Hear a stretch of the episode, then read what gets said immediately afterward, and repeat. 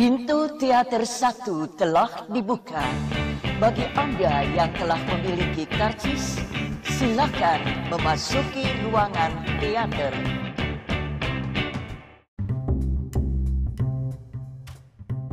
Baik lagi sama gue Mustafa di podcast Habis Nonton Film Kali ini episode spesial dan gue senang banget karena uh, Setelah berapa hari setelah penayangan film Gundala ya Gue ngerasa kayak ini film akan banyak yang nonton dan akan banyak ngerasa sok pinter. Dan akan banyak ngerasa sok mengembela atau uh, kecewa atau ngeritik banget gue yakin hal itu akan bermunculan dan gue pengen pengen banget mengumpulkan itu menjadi satu dan supaya lo semua denger uh, betapa beragamnya opini-opini orang dan ya kita harus menghargai itu gitu terlepas apa opininya gitu ya. Nah akhirnya gue ngebikin satu wadah uh, bacotan netizen yang bener-bener bacotan banget ini ya real gitu uh, via WhatsApp dan uh, gue sebarkan itu via medsos alhamdulillah. Banyak yang datang eh banyak yang datang banyak yang ngirim dan gue seneng banget. Uh, nanti akan gue putar di belakang satu segmen khusus bacotan netizen ini. Uh, yaitu untuk ngomongin film Gundala. Uh, sebuah film yang telah ditunggu oleh banyak penikmat film Indonesia dari tahun lalu semenjak kemunculan teasernya atau lebih lama lagi setelah penunjukan Joko Anwar sebagai sutradara. Setelah sebelumnya film ini tuh hampir disutradarai oleh Hanung Bramantio ya. Kalau lo belum tahu uh, ya sebelum Joko ya ada Hanung yang hampir nyaris menyutradarai film ini. Ya nggak tahu apa jadinya kalau yang ditradarain Hanung mungkin akan banyak kisah cinta yang diangkat gitu ya daripada mengekspos universe-nya. Karena kayaknya uh, per universean itu baru muncul setelah Marvel betapa sukses gitu ya jadi kayaknya ancang-ancang ini pun kayaknya ya melihat kesuksesan Marvel dulu nah jadi gue semalam baru nonton di salah satu bioskop paling menakjubkan di Jakarta Barat ya. gue gue udah pernah ngebahas ini bareng teman-teman opini tengah malam ya. Bioskop mana itu lu dengerin aja lu cari aja gue sama anak-anak opini tengah malam ngobrolin di sana. Anjing pas gue nonton nih suaranya itu nggak mulus gitu. Jadi kayak uh, lagi jalan gitu ya. Uh, tiba-tiba mati gitu kayak kayak kayak blank gitu sempet sedetik itu ada kali sedetik atau dua detik jadi kalau misalnya ada musik jing jing jing jing jing jing jing jing jing jing jing gitu jadi ada ada ada dalam itu dan dalam interval mungkin per gitu jadi sekitar 20 menit sekali gitu ya anjing gue bilang tai banget di bioskop selalu meninggalkan kesan gitu anjing gue ini gokil banget nih nah udah tuh itu ketika lagi nonton ya pas udah nonton uh, kan gua kan kita gua nih gua dan penonton lainnya yang dalam bioskop kan ngerasa ah ini kayaknya ada uh, after credit scene gitu ya. Setelah mid credit scene ada after credit scene ter rolling sampai habis nih layar gelap. Lampunya nggak dinyalain men. Terus kita di dalam aja gitu kayak ngerasa ini akan ada lagi ya oh, oh nggak ada nih. Jadi udah beres terus kita keluar dalam kondisi gelap gelapan gitu kayak habis gempa gitu. Anjing nggak dinyalain. Tuh kayak terus banyak penonton yang bilang eh mas masih tidur kali ya di dalam bioskop. Eh di operator. Anjing ngakak sih gue bilang. Ya kalau lu pengen tahu di mana cari aja lah. Itu bioskop. Epic banget gue suatu suatu kali pernah nonton di sana. Dan uh, dua orang depan gue ya nggak terlalu jauh gitu ya itu lagi selfie pakai flash man lagi dalam bioskop terus penonton teriak-teriak teriak akhirnya dia keluar. Gila itu bioskop. Epic banget. Nah anyway Gundala uh, setelah gue mendengar banyak teman-teman gue nonton karena gue belum sempat nonton dan gue ngerasa ya nggak perlu buru-buru lah. Uh, ini tuh tidak semenakutkan spoilernya kayak gue Star Wars gitu ya. Gue harus nonton di hari pertama atau film-film lainnya karena gue takut spoiler gitu. Tapi gue udah lah nggak. Gue beberapa halnya udah tahu ya ini kayaknya akan terjadi gitu bla bla bla bla bla. Dan ya gue ngerasa filmnya akan bertahan mas bertahan lama di bioskop. Yang ngapain lah buru-buru ya. Mending sabar gitu ya. Nah sambil gue menunggu itu gue mengumpulkan opini-opini orang-orang dan gue meng berusaha untuk mengatur ekspektasi nih gitu. Uh, sejauh mana ya ekspektasi gue gue bisa setting ya? Oh ternyata ekspektasinya jangan tinggi tinggi nih. Cukup uh, di tengah-tengah aja gitu supaya gue bisa menikmati film ini gitu. Karena gue yakin dengan ekspektasi lu yang lu bisa atur yang lu bisa uh, kendalikan itu lebih mudah untuk menikmati filmnya juga gitu. Kalau misalnya lu set terlalu tinggi ya ya kalau misalnya filmnya menyamai akan sangat-sangat letup gitu ya meledak gitu. Tapi kalau misalnya enggak kasihan lu akan kecewa gitu dengan filmnya daripada over excited ya. Mending lu set aja uh, ini kenapa sih tenggorokan gue uh, mending lu set aja. Ekspektasi lu biasa aja sih nggak perlu nggak perlu nggak perlu tinggi tinggi lah. Nah itu yang yang gue lakukan. Gue set ekspektasi gue rendah uh, dan ternyata uh, film ini memang mempunyai unsur uh, superhero atau heroism kepahlawanan yang yang tidak yang tidak sama dengan film-film Marvel atau DC dan memang sepatutnya kita tidak men, menyamakan atau membandingkan film ini dengan universe-universe dari besutan film Hollywood. Karena dari skala budgetnya aja pertama udah beda. Jumlah orang yang mengerjakan juga beda. Cara mereka mengadaptasi cerita-cerita dan kedekatan kedekatan-kedekatan mereka tentang superhero itu beda gitu. Kalau misalnya di Amerika itu lebih ke kayak misalnya uh, tentara atau unsur heroiknya itu lebih ke aparat-aparat gitu yang kayak dimunculkan dalam Captain Amerika gitu ya. Kalau Indonesia tuh beda. Uh, ada banyak mitologi-mitologi yang bang bisa banget diangkat dan yang gue sukanya itu gitu mendekatkan kita kepada budaya-budaya kita sendiri dan akan banyak posi possibility-nya tuh banyak banget yang itu bikin bikin gue excited ketika gue nonton ya wow ini ini ngebuka ini ini ngebuka ini dan semoga itu ter, terbuka lagi. Tapi secara keseluruhan nih filmnya uh, gue sangat ngerasa jika film ini bisa bisa lebih bagus atau bahkan bisa jauh lebih bagus daripada ini. Dengan sutradara yang sama. Uh, gue nggak tahu apakah banyak andil tangan orang di kanan kirinya Joko Anwar ya yang membuat film ini terasa uh, I think this is one of the worst film he made gitu ya. Uh, not the tidak bukan yang paling jelek tapi kayaknya salah satu yang jelek lah. Uh, banyak keluasan keluasan para pemain para pemainnya yang tidak gue temukan di dalam film ini gitu biasanya uh, Joko punya titik lo lo nonton Mother's Love kan yang di folklore itu kan sama yang main Muzaki juga sama Marisa Anita sama loh yang main tuh sama. Dan luasnya di sana dan di sini tuh beda. Nah gue gak ngerti apa apa pendekatan pendekatannya uh, eh, gue sih gue sih pertama yang gue gue agak terganggu di awal adalah pendekatan bahasa.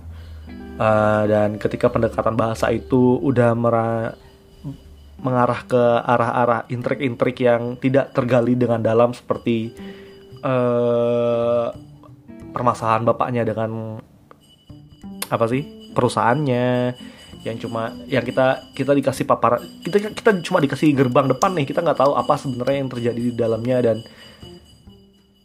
ya maksudnya ada beberapa beberapa hal yang tidak diceritakan gitu dan ya ya ya akhirnya ya akhirnya terasa ada gangguan-gangguan kecil ketika gua, ketika gua nonton. Yang meskipun secara garis besar ya gue masih penasaran juga apa yang akan terjadi dengan Gundala tapi this is not the best uh, from Joko Anwar eh sorry to say buat orang-orang yang udah ngebela filmnya pas segala macem ini ini film yang berbeda ya uh, one of yang paling beda lah kalau misalnya lu ngebandingin sama film super Indonesia Wiro Sableng jelas beda pendekatannya pun beda. Uh, apalagi Garuda superhero gitu misalnya. Valentine apa? Uh, Azrax ya beda kan? Maksudnya emang beda filmnya beda. Nggak sama kayak film-film uh, yang lain gitu tapi kalau kalau ngomongin puas nggak puas sih gue gue gue belum puas gitu. Gue pengen ada yang jauh lebih secara cerita ya. Gue nggak gue nggak nggak masalah deh soal CGI-nya yang masih berantakan apa segala macam karena memang teknologi kita teknologi kita tuh belum sampai sana. SDM kita dan uh, apa sih hardware kita waktu kita ngerjain itu itu nggak sama sama kayak Hollywood gitu. Sistem kita workflow kita itu masih belum bisa ngimbangin sana. Bah dan karena teknologi itu datangnya dari Amerika bukan dari kita gitu. Jadi ya kita akan selalu tertinggal gitu. Kecuali kita menciptakan teknologi soal perfilman itu ya barengan gitu ya bersamaan gitu. Ya mungkin gitu kita akan bisa mengimbangi tapi lepasin deh soal CGI soal soal apa soal mixing atau apalah itu lepasin lah. Tapi gue lebih ngomongin soal cerita yang yang yang gimana ya secara struktural apa apakah ngeditnya yang bermasalah? Gue nggak ngerti. Uh, gue yakin secara ya mungkin masakannya menarik gitu tapi dan gue ngerasa directingnya juga kurang tidak nggak nggak se seluas biasanya gue ngerti kenapa. Ngerti kenapa ya bahasanya nggak luas. Eh, itu yang yang pertama gue tangkap ketika gue lagi nonton. Eh, gue nggak menyalahkan bahasa yang kaku deh. Eh,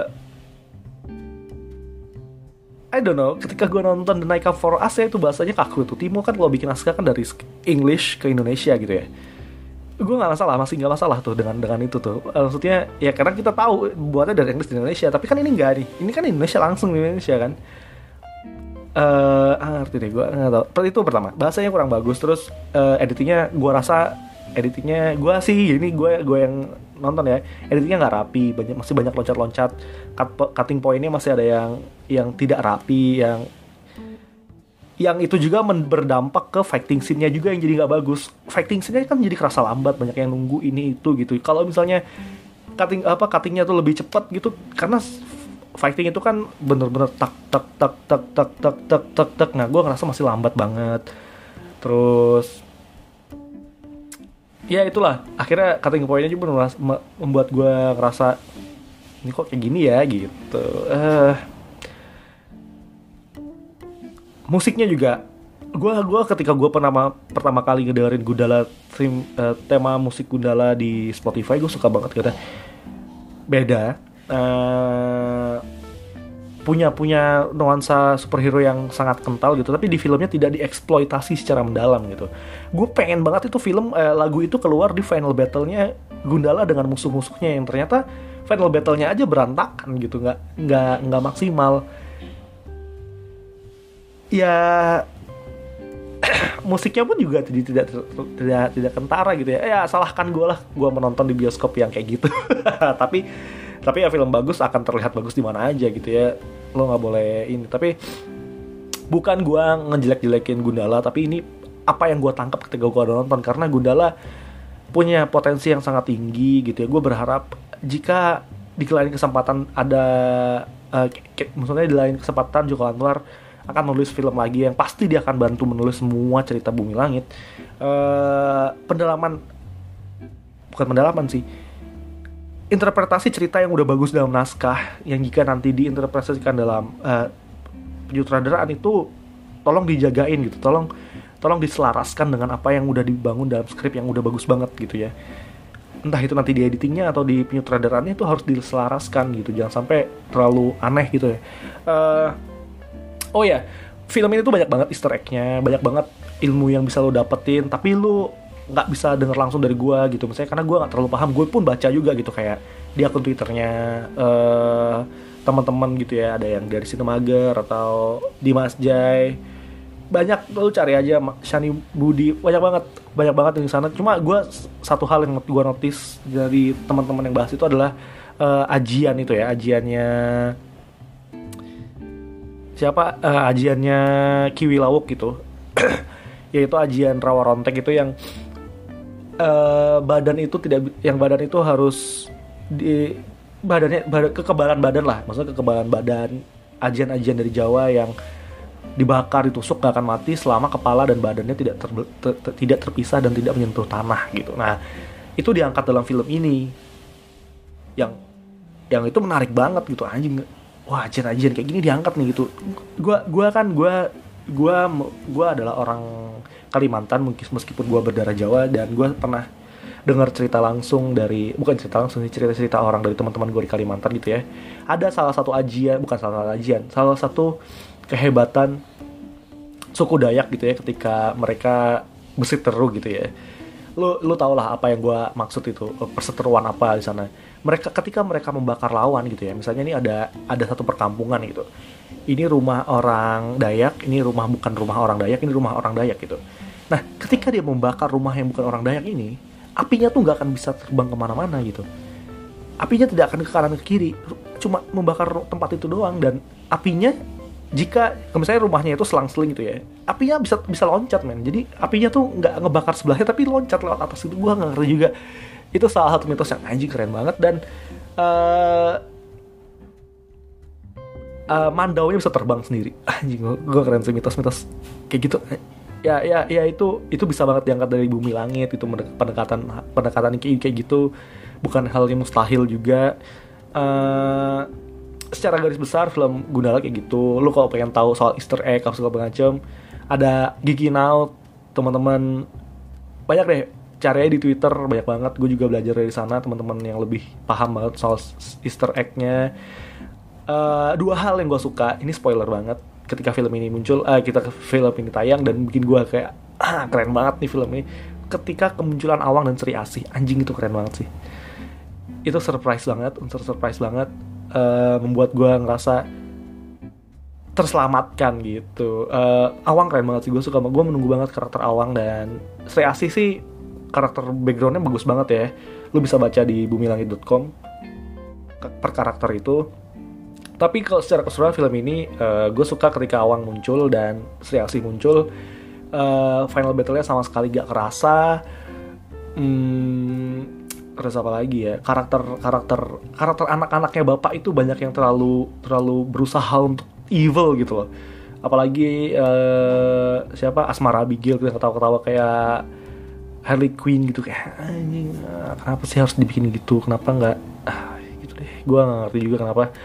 Uh, Pengkor aktingnya oke. Okay terus apa lagi ya? Ya itulah kegudahan dan kerisauan gue terhadap film Gundala uh, setelah ini lo akan ngedengerin opini-opini dari para para pendengar dan opini lo juga yang mungkin kalau misalnya lo yang pernah ngirim kemarin uh, jangan dilewatin karena opininya sangat beragam dan sangat bagus-bagus uh, itu aja untuk untuk gue di episode Gundala Jangan lewatin opini-opini mereka di segmen selanjutnya. Sampai jumpa di episode selanjutnya. Dadah!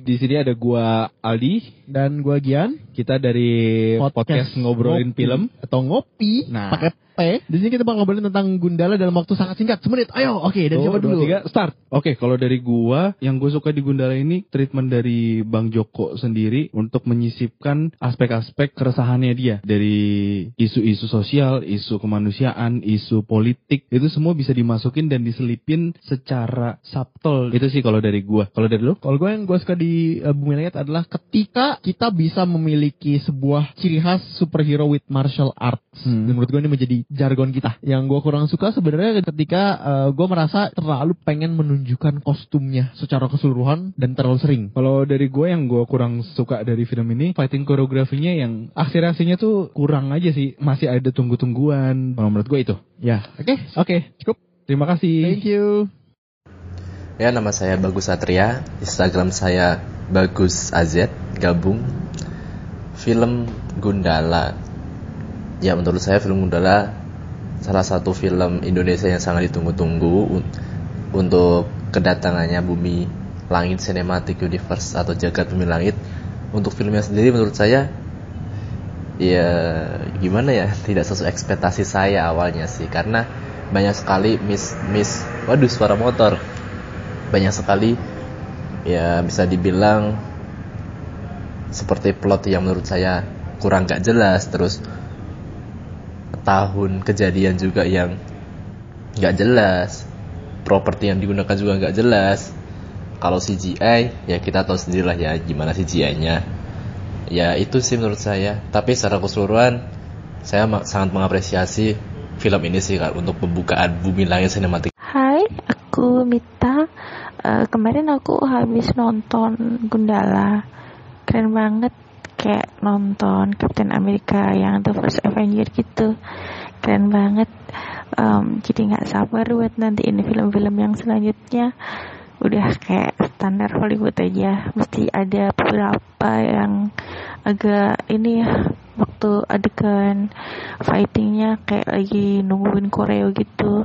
Ya tapi so far bagus banget. Keren keren keren Halo, nama saya Atif. Saya rasa Gundala tidak cukup jika hanya ditampilkan di Toronto. Mengapa? Karena film ini dapat saja dapat ditampilkan di Cannes. Mengapa Cannes? Karena film-film Indonesia sendiri jarang bertarung di sana. Yang bertarung di sana pun paling-paling paling-paling ya, yang untuk terbaru ini hanya Mauli Surya dan Garin Nugroho manakala Mauli Surya tidak bertanding di bidang-bidang utama, maka Garin Nugroho pernah pernah bertanding di bidang-bidang utama walaupun hanya sampai di un, uncertain goal. Nama aku Saputra. Uh, yang positif dari film ini adalah ya fresh banget lah seperti hmm, sebuah uh, kemajuan yang fresh di Indonesia yang nggak nggak film itu itu aja Cuma negatifnya ceritanya seperti Daredevil season 1. Terus yang kedua negatifnya adalah eksekusinya yang terburu-buru khususnya di akhir cerita uh, sehingga ceritanya uh, kurang mengenal lah untuk terakhir-terakhir. Itu aja sih. Terima kasih sebagai pembuka jagat sinema bumi langit, uh, menurut gue Gundala berhasil membuka pintu untuk film-film DCU ke depannya, tapi bukannya tanpa kekurangan. Uh, ada beberapa adegan yang stand out, terutama adegan-adegan menegangkan ya. Tapi ada juga beberapa perpindahan adegan yang sayangnya belum mulus. Uh, narasinya juga menurut gue agak overwhelming karena banyak banget yang mau disampaikan. Ya akibatnya karakter Gundalanya jadi kayak kurang dieksplor uh, misalnya gimana dia dapetin kekuatannya dan transformasi dia jadi pahlawan yang bisa memberikan harapan bagi rakyat. Uh, dan konflik dia sama Panther pun jadi kurang intens. Tapi yang gue suka dari Gundala ini adalah castingnya yang terasa pas semuanya. Dan sinematografinya juga cakep. Jadi overall menurut gue Gundala adalah film yang cukup menghibur. Udah dulu ya Bapak nelpon. Nama gue Indra, gue bakal review Gundala dari dua hal yang gue garis bawahi. Pertama adalah dari segi cerita menurut gue relate banget ke kehidupan Indonesia yang sekarang. Banyak hoax, terus pemerintah dan rakyat gapnya jauh. Jadi kita seolah-olah punya rasa memiliki kesan caka gitu. Menariknya ya karena ya saking relate-nya lah. Dan yang kedua, build up karakternya menurut gue walaupun banyak tapi aman dan gak terlalu dominan gitu. Kayak salah satunya favorit gue adalah Ridwan Bahri yang diperankan oleh Lukman Sardi itu selalu mengingatkan gue ke karakter James Gordonnya uh, Batman zaman Christopher Nolan apalagi ada adegan mereka berdua di atas gedung di akhir itu udah kayak Batman sama James Gordon banget lah gitu dan Easter egg dari film BCU selanjutnya itu menarik banget gue excited banget kece parah sih Hai, nama gue Bintang Rizky Utama. Ini adalah review setelah nonton Gundala. Dari segi positif, konsepnya keren, ceritanya juga keren, building karakternya dapat banget, actionnya seru abis, di sela-sela action mereka berhasil nyelipin beat-beat lucu, eh, uh, beat-beat lucunya juga dapet, sinematografinya keren banget, scoringnya juga dapet. Sisi negatifnya, dialognya kurang natural, sangat scripted, kayak bahasa Inggris ditranslate ke bahasa Indo. Ada beberapa plot hole seperti tiba-tiba ada orang yang ambil darah Sancaka. Ada momen di mana harusnya dramatis tapi karena eks eksekusinya kurang, gue secara nggak sadar ngakak. Dan klimaksnya terlalu terburu-buru. Anak buahnya si Pengkor gampang banget disingkirinnya. Itu review gue. Terima kasih. Good morning, afternoon, evening everyone. gue Mira dan gue pengen ngomongin uh, review Gundala sedikit. Uh, kalau misalnya opini positifnya sih udah jelas uh, sinematografi, music score sama produk desainnya tuh bisa ngeblend jadi satu gitu. Itu eyegasm and eargasm banget kayak it's really a treat for everyone. Uh, tapi uh, yang pasti opini negatifnya dari gue adalah screenplaynya aneh. Ada beberapa scene yang kayaknya cepet banget, ada beberapa scene yang kayaknya lambat banget, dan pemilihan kata-katanya juga for some reason it's weird. Dialog-dialognya tuh kadang-kadang ada yang cepet, saking cepetnya nggak jelas apa yang diomongin, dan ya gitu deh pokoknya menurut gue screenplaynya aneh banget. Tapi uh, sisanya it's really really good. Halo, nama gue Ali Aksan. Di sini gue mau ngebacot lah kalau kata Bang Mustafa ya soal film Gundala. Uh, mulai dari plusnya dulu ya yang gue suka. Yang gue suka itu pengembangan karakter si Sancaka sih. Dari kecil ke dewasa itu benar-benar bagus sih. 10 menit awalnya tuh ah keren lah. Terlebih lagi kan ada Easter eggs-nya ya. Ketemu Awang. Uh, spoiler alert, Awang itu nanti dia jadinya Godam ya. Ya akan diperanin sama Chico Jericho. Uh, terus apalagi ya? Oh ini sih. Latar belakang si villainnya si Pengkor itu juga bagus. Keren lah aktor aktrisnya juga. Ya bagus lah. Yang gue kurang suka itu mungkin editingnya ya. Karena ada beberapa uh, transisi dari scene satu ke scene yang lain tuh agak buru-buru gitu gue ngerasa. Sama yang final battlenya itu fightingnya dengan fightingnya tuh kerasa kaku dan slow banget gitu. Itu aja sih jadi Gundala menurut saya masih ada beberapa kendala terutama di bagian teknis kayak CGI-nya ada beberapa yang masih kurang halus. Terus juga dari dialognya ada beberapa kurang jelas suaranya. Dan juga untuk plotnya menurut saya sih masih ada yang belum terlalu stabil ya. Dan ada beberapa scene yang temanya repetitif terutama di adegan berantemnya kayak dikeroyokin terus itu diulang-ulang lama-lama jadi monoton tapi meskipun seperti itu uh, ini bukan suatu hal yang buruk sih untuk awal dari proyek besar Bumi Langit Cinematic Universe. Dan tapi ini jelas sih bukan karya terbaik dari Joko Anwar karena saya pribadi suka sih sama Joko Anwarnya sendiri sebagai sutradara. Tapi di bagian sinematografi uh, duet Joko Anwar sama Ica Tanjung masih juara sih. Beberapa shot keren banget Halo, gue Bimo dari podcast Opini Tengah Malam. Kali ini gue mau nge-review satu menit yang dikasih kesempatan sama habis nonton film. Oke, karena ini satu menit jadi cepet aja ya. Kelebihannya itu menurut gue pribadi, origin story-nya itu bagus banget. CGI-nya untuk standar Indonesia menurut gue udah cukup cukup lebih dari cukup bagusnya. Terus nih ada dua poin yang menurut gue wow banget dan oke okay banget yaitu kamera movement dan scoring musik. Itu dua hal yang bener-bener Pokoknya keren parah di film ini. Untuk kekurangannya sendiri mungkin dari CGI-nya ada beberapa di beberapa part itu sedikit kasar, masih ada terlihat cuma gue yakin bisa dibenerin lah untuk selanjutnya. Dan terakhir ada beberapa scenes yang aneh. Hmm, mungkin kalau gue jelasin spesifiknya akan lebih panjang. Mungkin bisa kalian dengerin di podcast Opini Tengah Malam sih. Segitu aja review singkat dari gue Bimo dari Opini Tengah Malam. Bye. Ya. Halo admin habis nonton film dan para penggemar podcast habis nonton film di mana pun kalian berada. Uh, nama gue Muhammad Faskal Baskara. Berhubung lagi ada sayembara review untuk film Gundala ini, gue juga menyampaikan beberapa hal terkait film ini. Sebenarnya poin gue gak banyak sih, cuma terkait sama dua kata, yaitu kendala rating. Ya banyak hal yang harusnya bisa lebih baik lagi, bisa lebih diperbaiki lagi untuk film-film selanjutnya, khususnya dalam hal fighting koreografi dan penyelesaian endingnya. Dan in my opinion, mungkin salah satu penyebabnya adalah ya untuk mengikuti rating itu tadi. Selebihnya udah lumayan banget kok untuk awalan film jagat superhero kita. Pokoknya sukses terus untuk habis nonton film. Dan jangan lupa follow gue di Twitter at fascal underscore bhaskara atau at faskal underscore baskara. Terima kasih.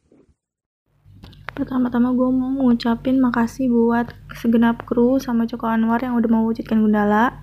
Terus uh, gue sekarang lagi skripsi, doain gue cepet lulus pas Oktober muah. Uh, yang pertama, gue tuh pengen ngomongin tentang anak bapak. Anak bapak tuh show stealer abis karena uh, bibit-bibit villainnya tuh diverse banget. Mulai dari mad woman kuliahan sampai tukang besi ada semua. Mana ganteng cakep semua kan. Terus yang kedua, gue bener-bener pengen tahu gimana sih kalian nyusun tokoh dari era Jawara sama Patriot. Secara ada beberapa tokoh era Jawara yang muncul di Gundala ini kan. Jadi gitu. Terus uh, buat yang ketiga tuh Gazul. Gazul tuh kayak udah sadar gitu Sancaka itu Gundala ya. Uh, terus gak sekalipun di film ada yang manggil Sancaka itu Gundala. Cuma Gazul yang gitu sama yang terakhir tuh gue nyesel banget bukan visioner dari kecil jujur gue tau Gundala dari lama tapi gak tahu di mana baca komiknya makasih banget gue bakal jadi fans terus thank you Halo nama gue Faris, review singkat tentang Gundala, overrated, overhype, dan gue kayaknya gak mau nonton lagi Bumi Langit. Kenapa? Karena ya ceritanya maksa banget. Bukan maksa sih maksudnya kayak terlalu padat gitu. Gak smooth gitu jalan ceritanya. Terus banyak hal mendasar yang ganggu yang gak diperhatiin terus ganggu banget. Pertama setting waktu.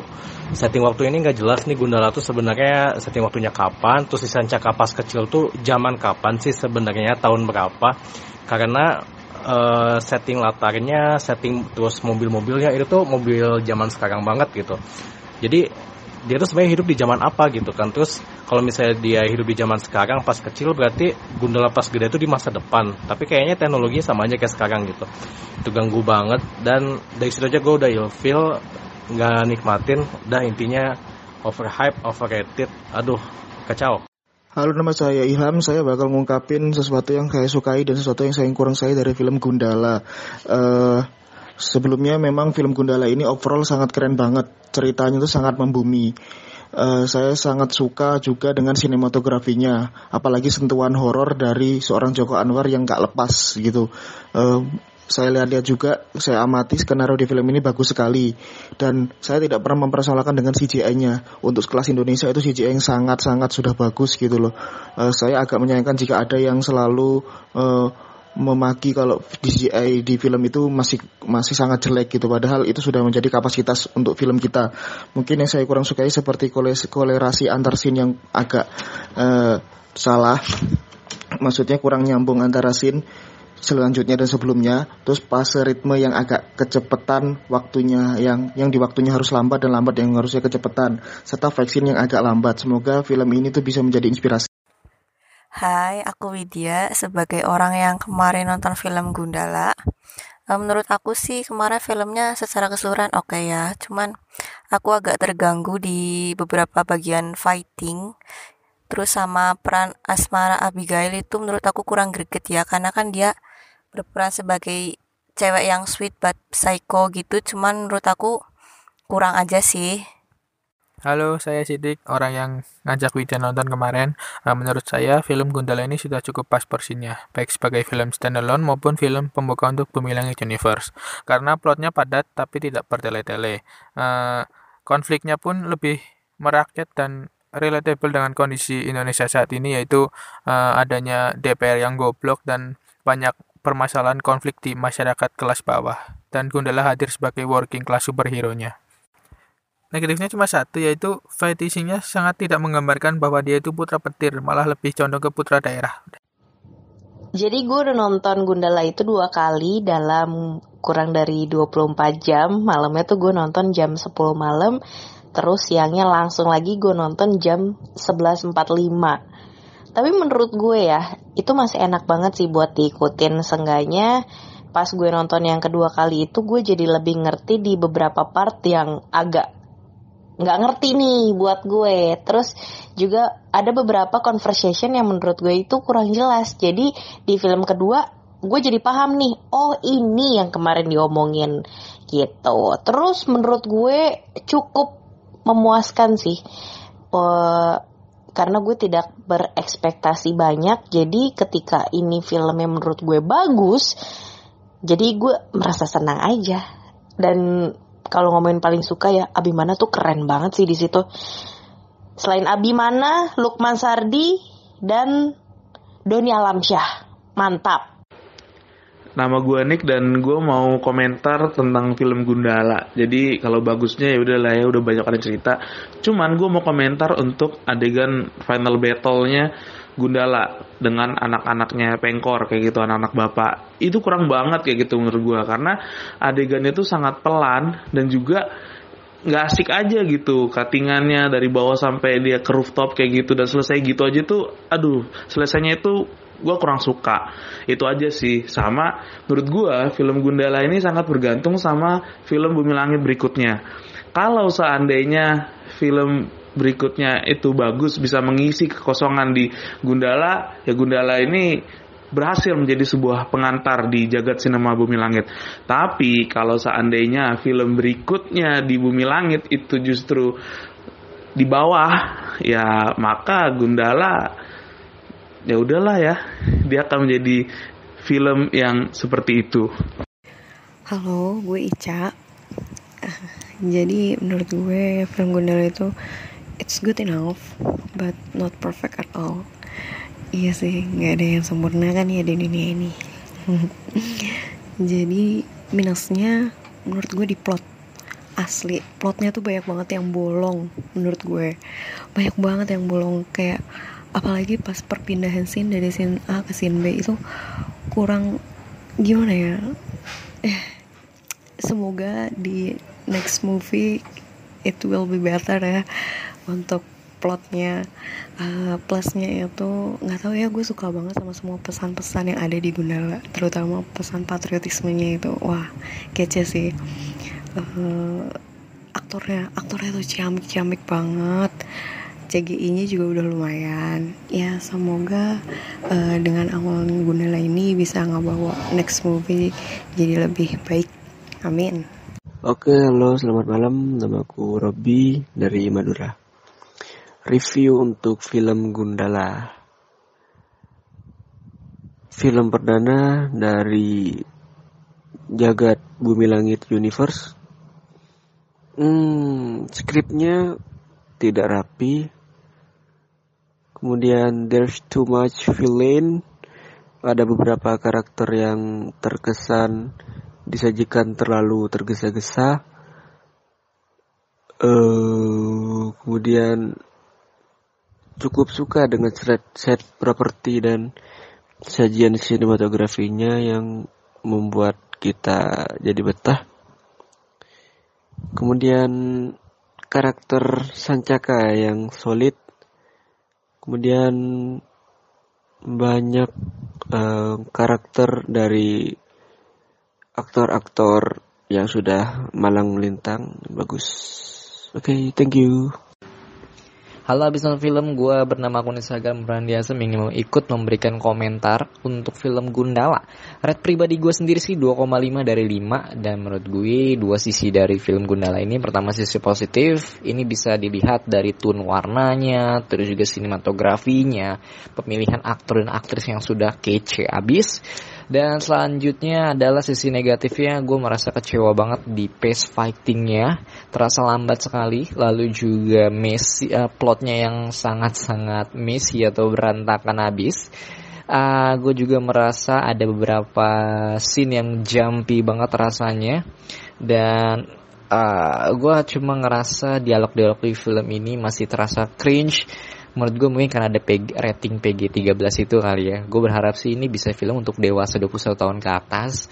Jadi ketika nonton gue bisa lebih dengar kata-kata cacian makian yang lebih aduhai. Bangsat anjing goblok. Itu gue pengen banget ngedenger itu di Gundala. Padahal kan dunia kok udah chaos banget tapi ngedenger tutur bahasa yang masih terlalu halus rasanya kayak ah nggak nyambung aja sih menurut gue. Kayaknya kurang lebih itu aja deh. Ini udah lebih dari satu menit. Terima kasih untuk habis nonton film. Gue tunggu updatean podcastnya. Thank you. Halo gue Agus, uh, kalau nonton Gundala gue cuma mikir kok kayak gini sih. Harusnya bisa lebih baik lagi. Awal saja ke kecil kelamaan menurut gue. Gue cuma bayangin harusnya awal tuh langsung digebrak sama fight Gundala uh, versus Firman atau apa gitu. Langsung flashback ke masa kecil dan dengan tone warm yang kayak di filmnya sekarang. Terus transisi dari kecil ke dewasa uh, harusnya bisa dilakukan smoothly saat Sanjaka latihan sama Awang di kereta. Ada adegan persahabatan yang kuat antara Sanjaka sama Awang di situ lalu Awang ke Tenggara. Gak usah lari-larian sih, boleh saja Sanjaka nganter Awang ke stasiun.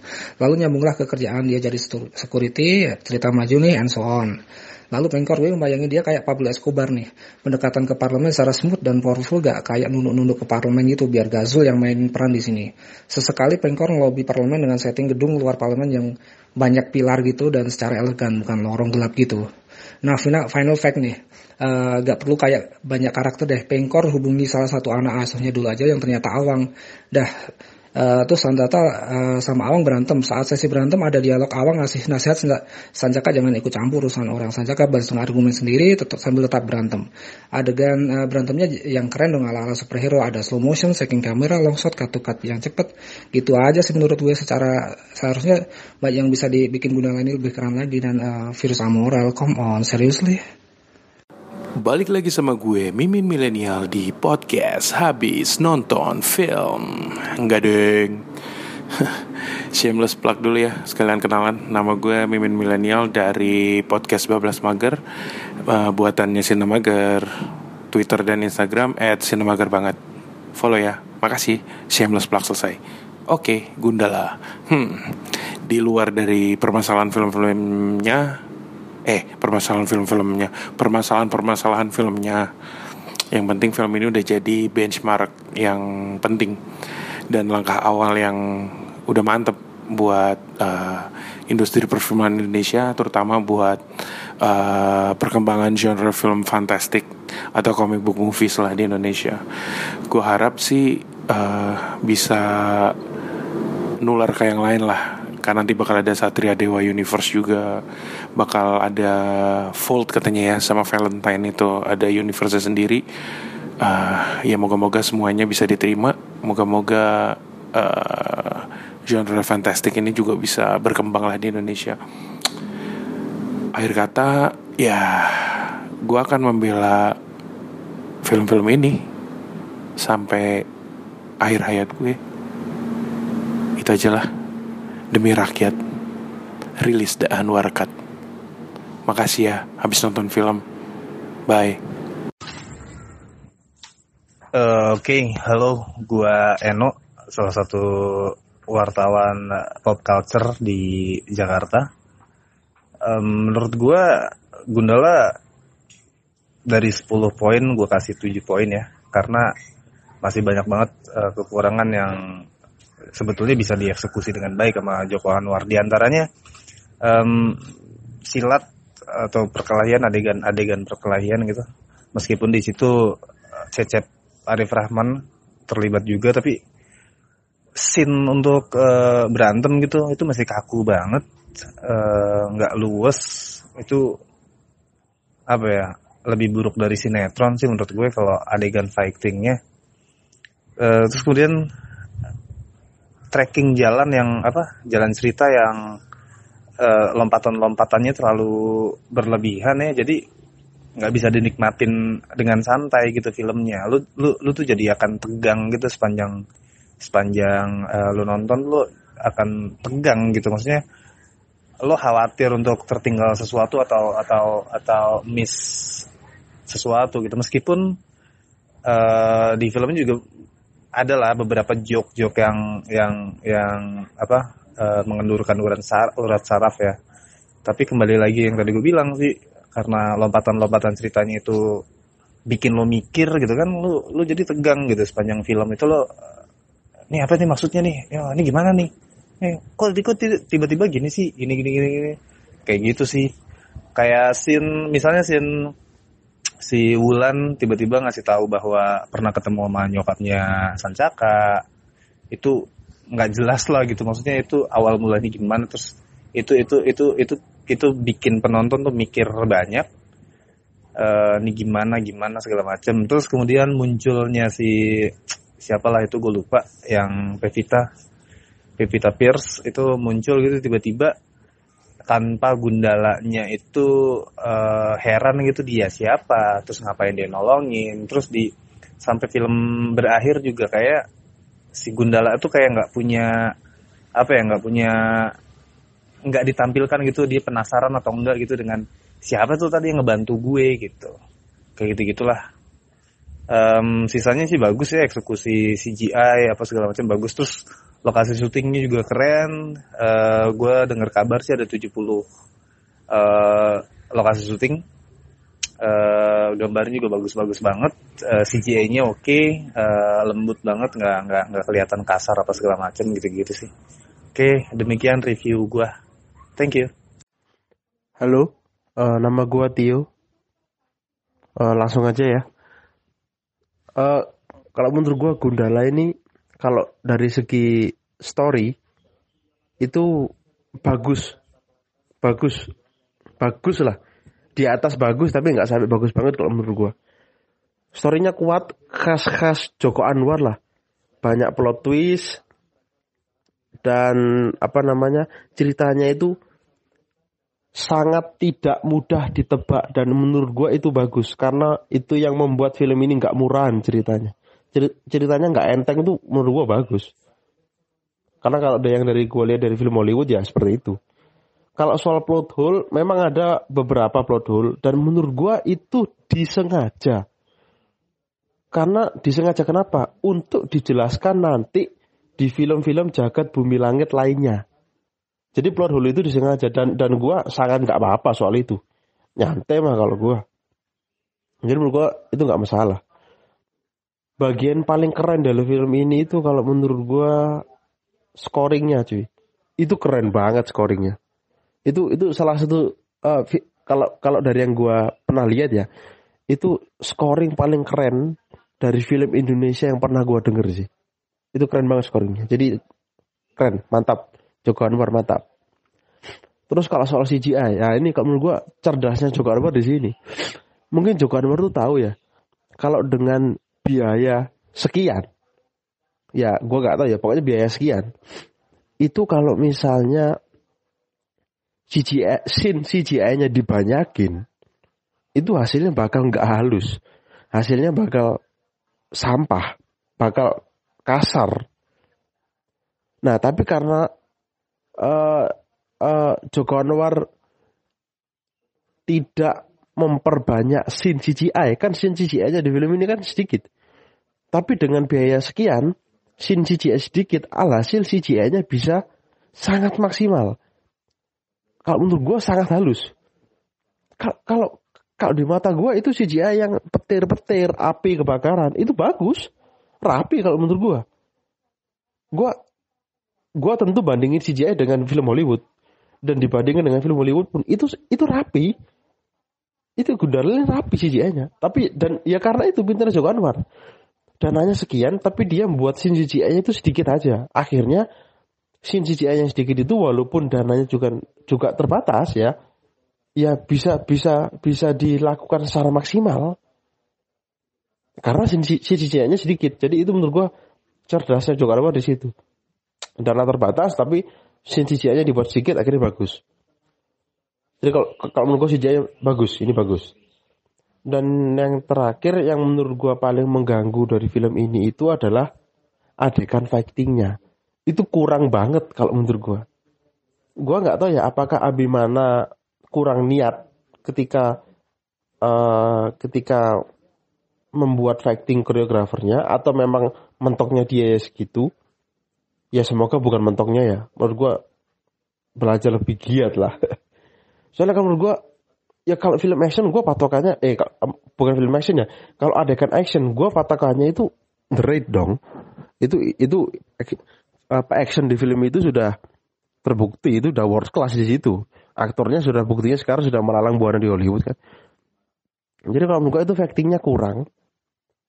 Dan saran gue sih buat uh, uh, Bumi Langit Studios itu tim fighting koreografernya Iko Uwais yang Uwais tim pakai aja itu ambil aja demi adegan acting supaya lebih keren.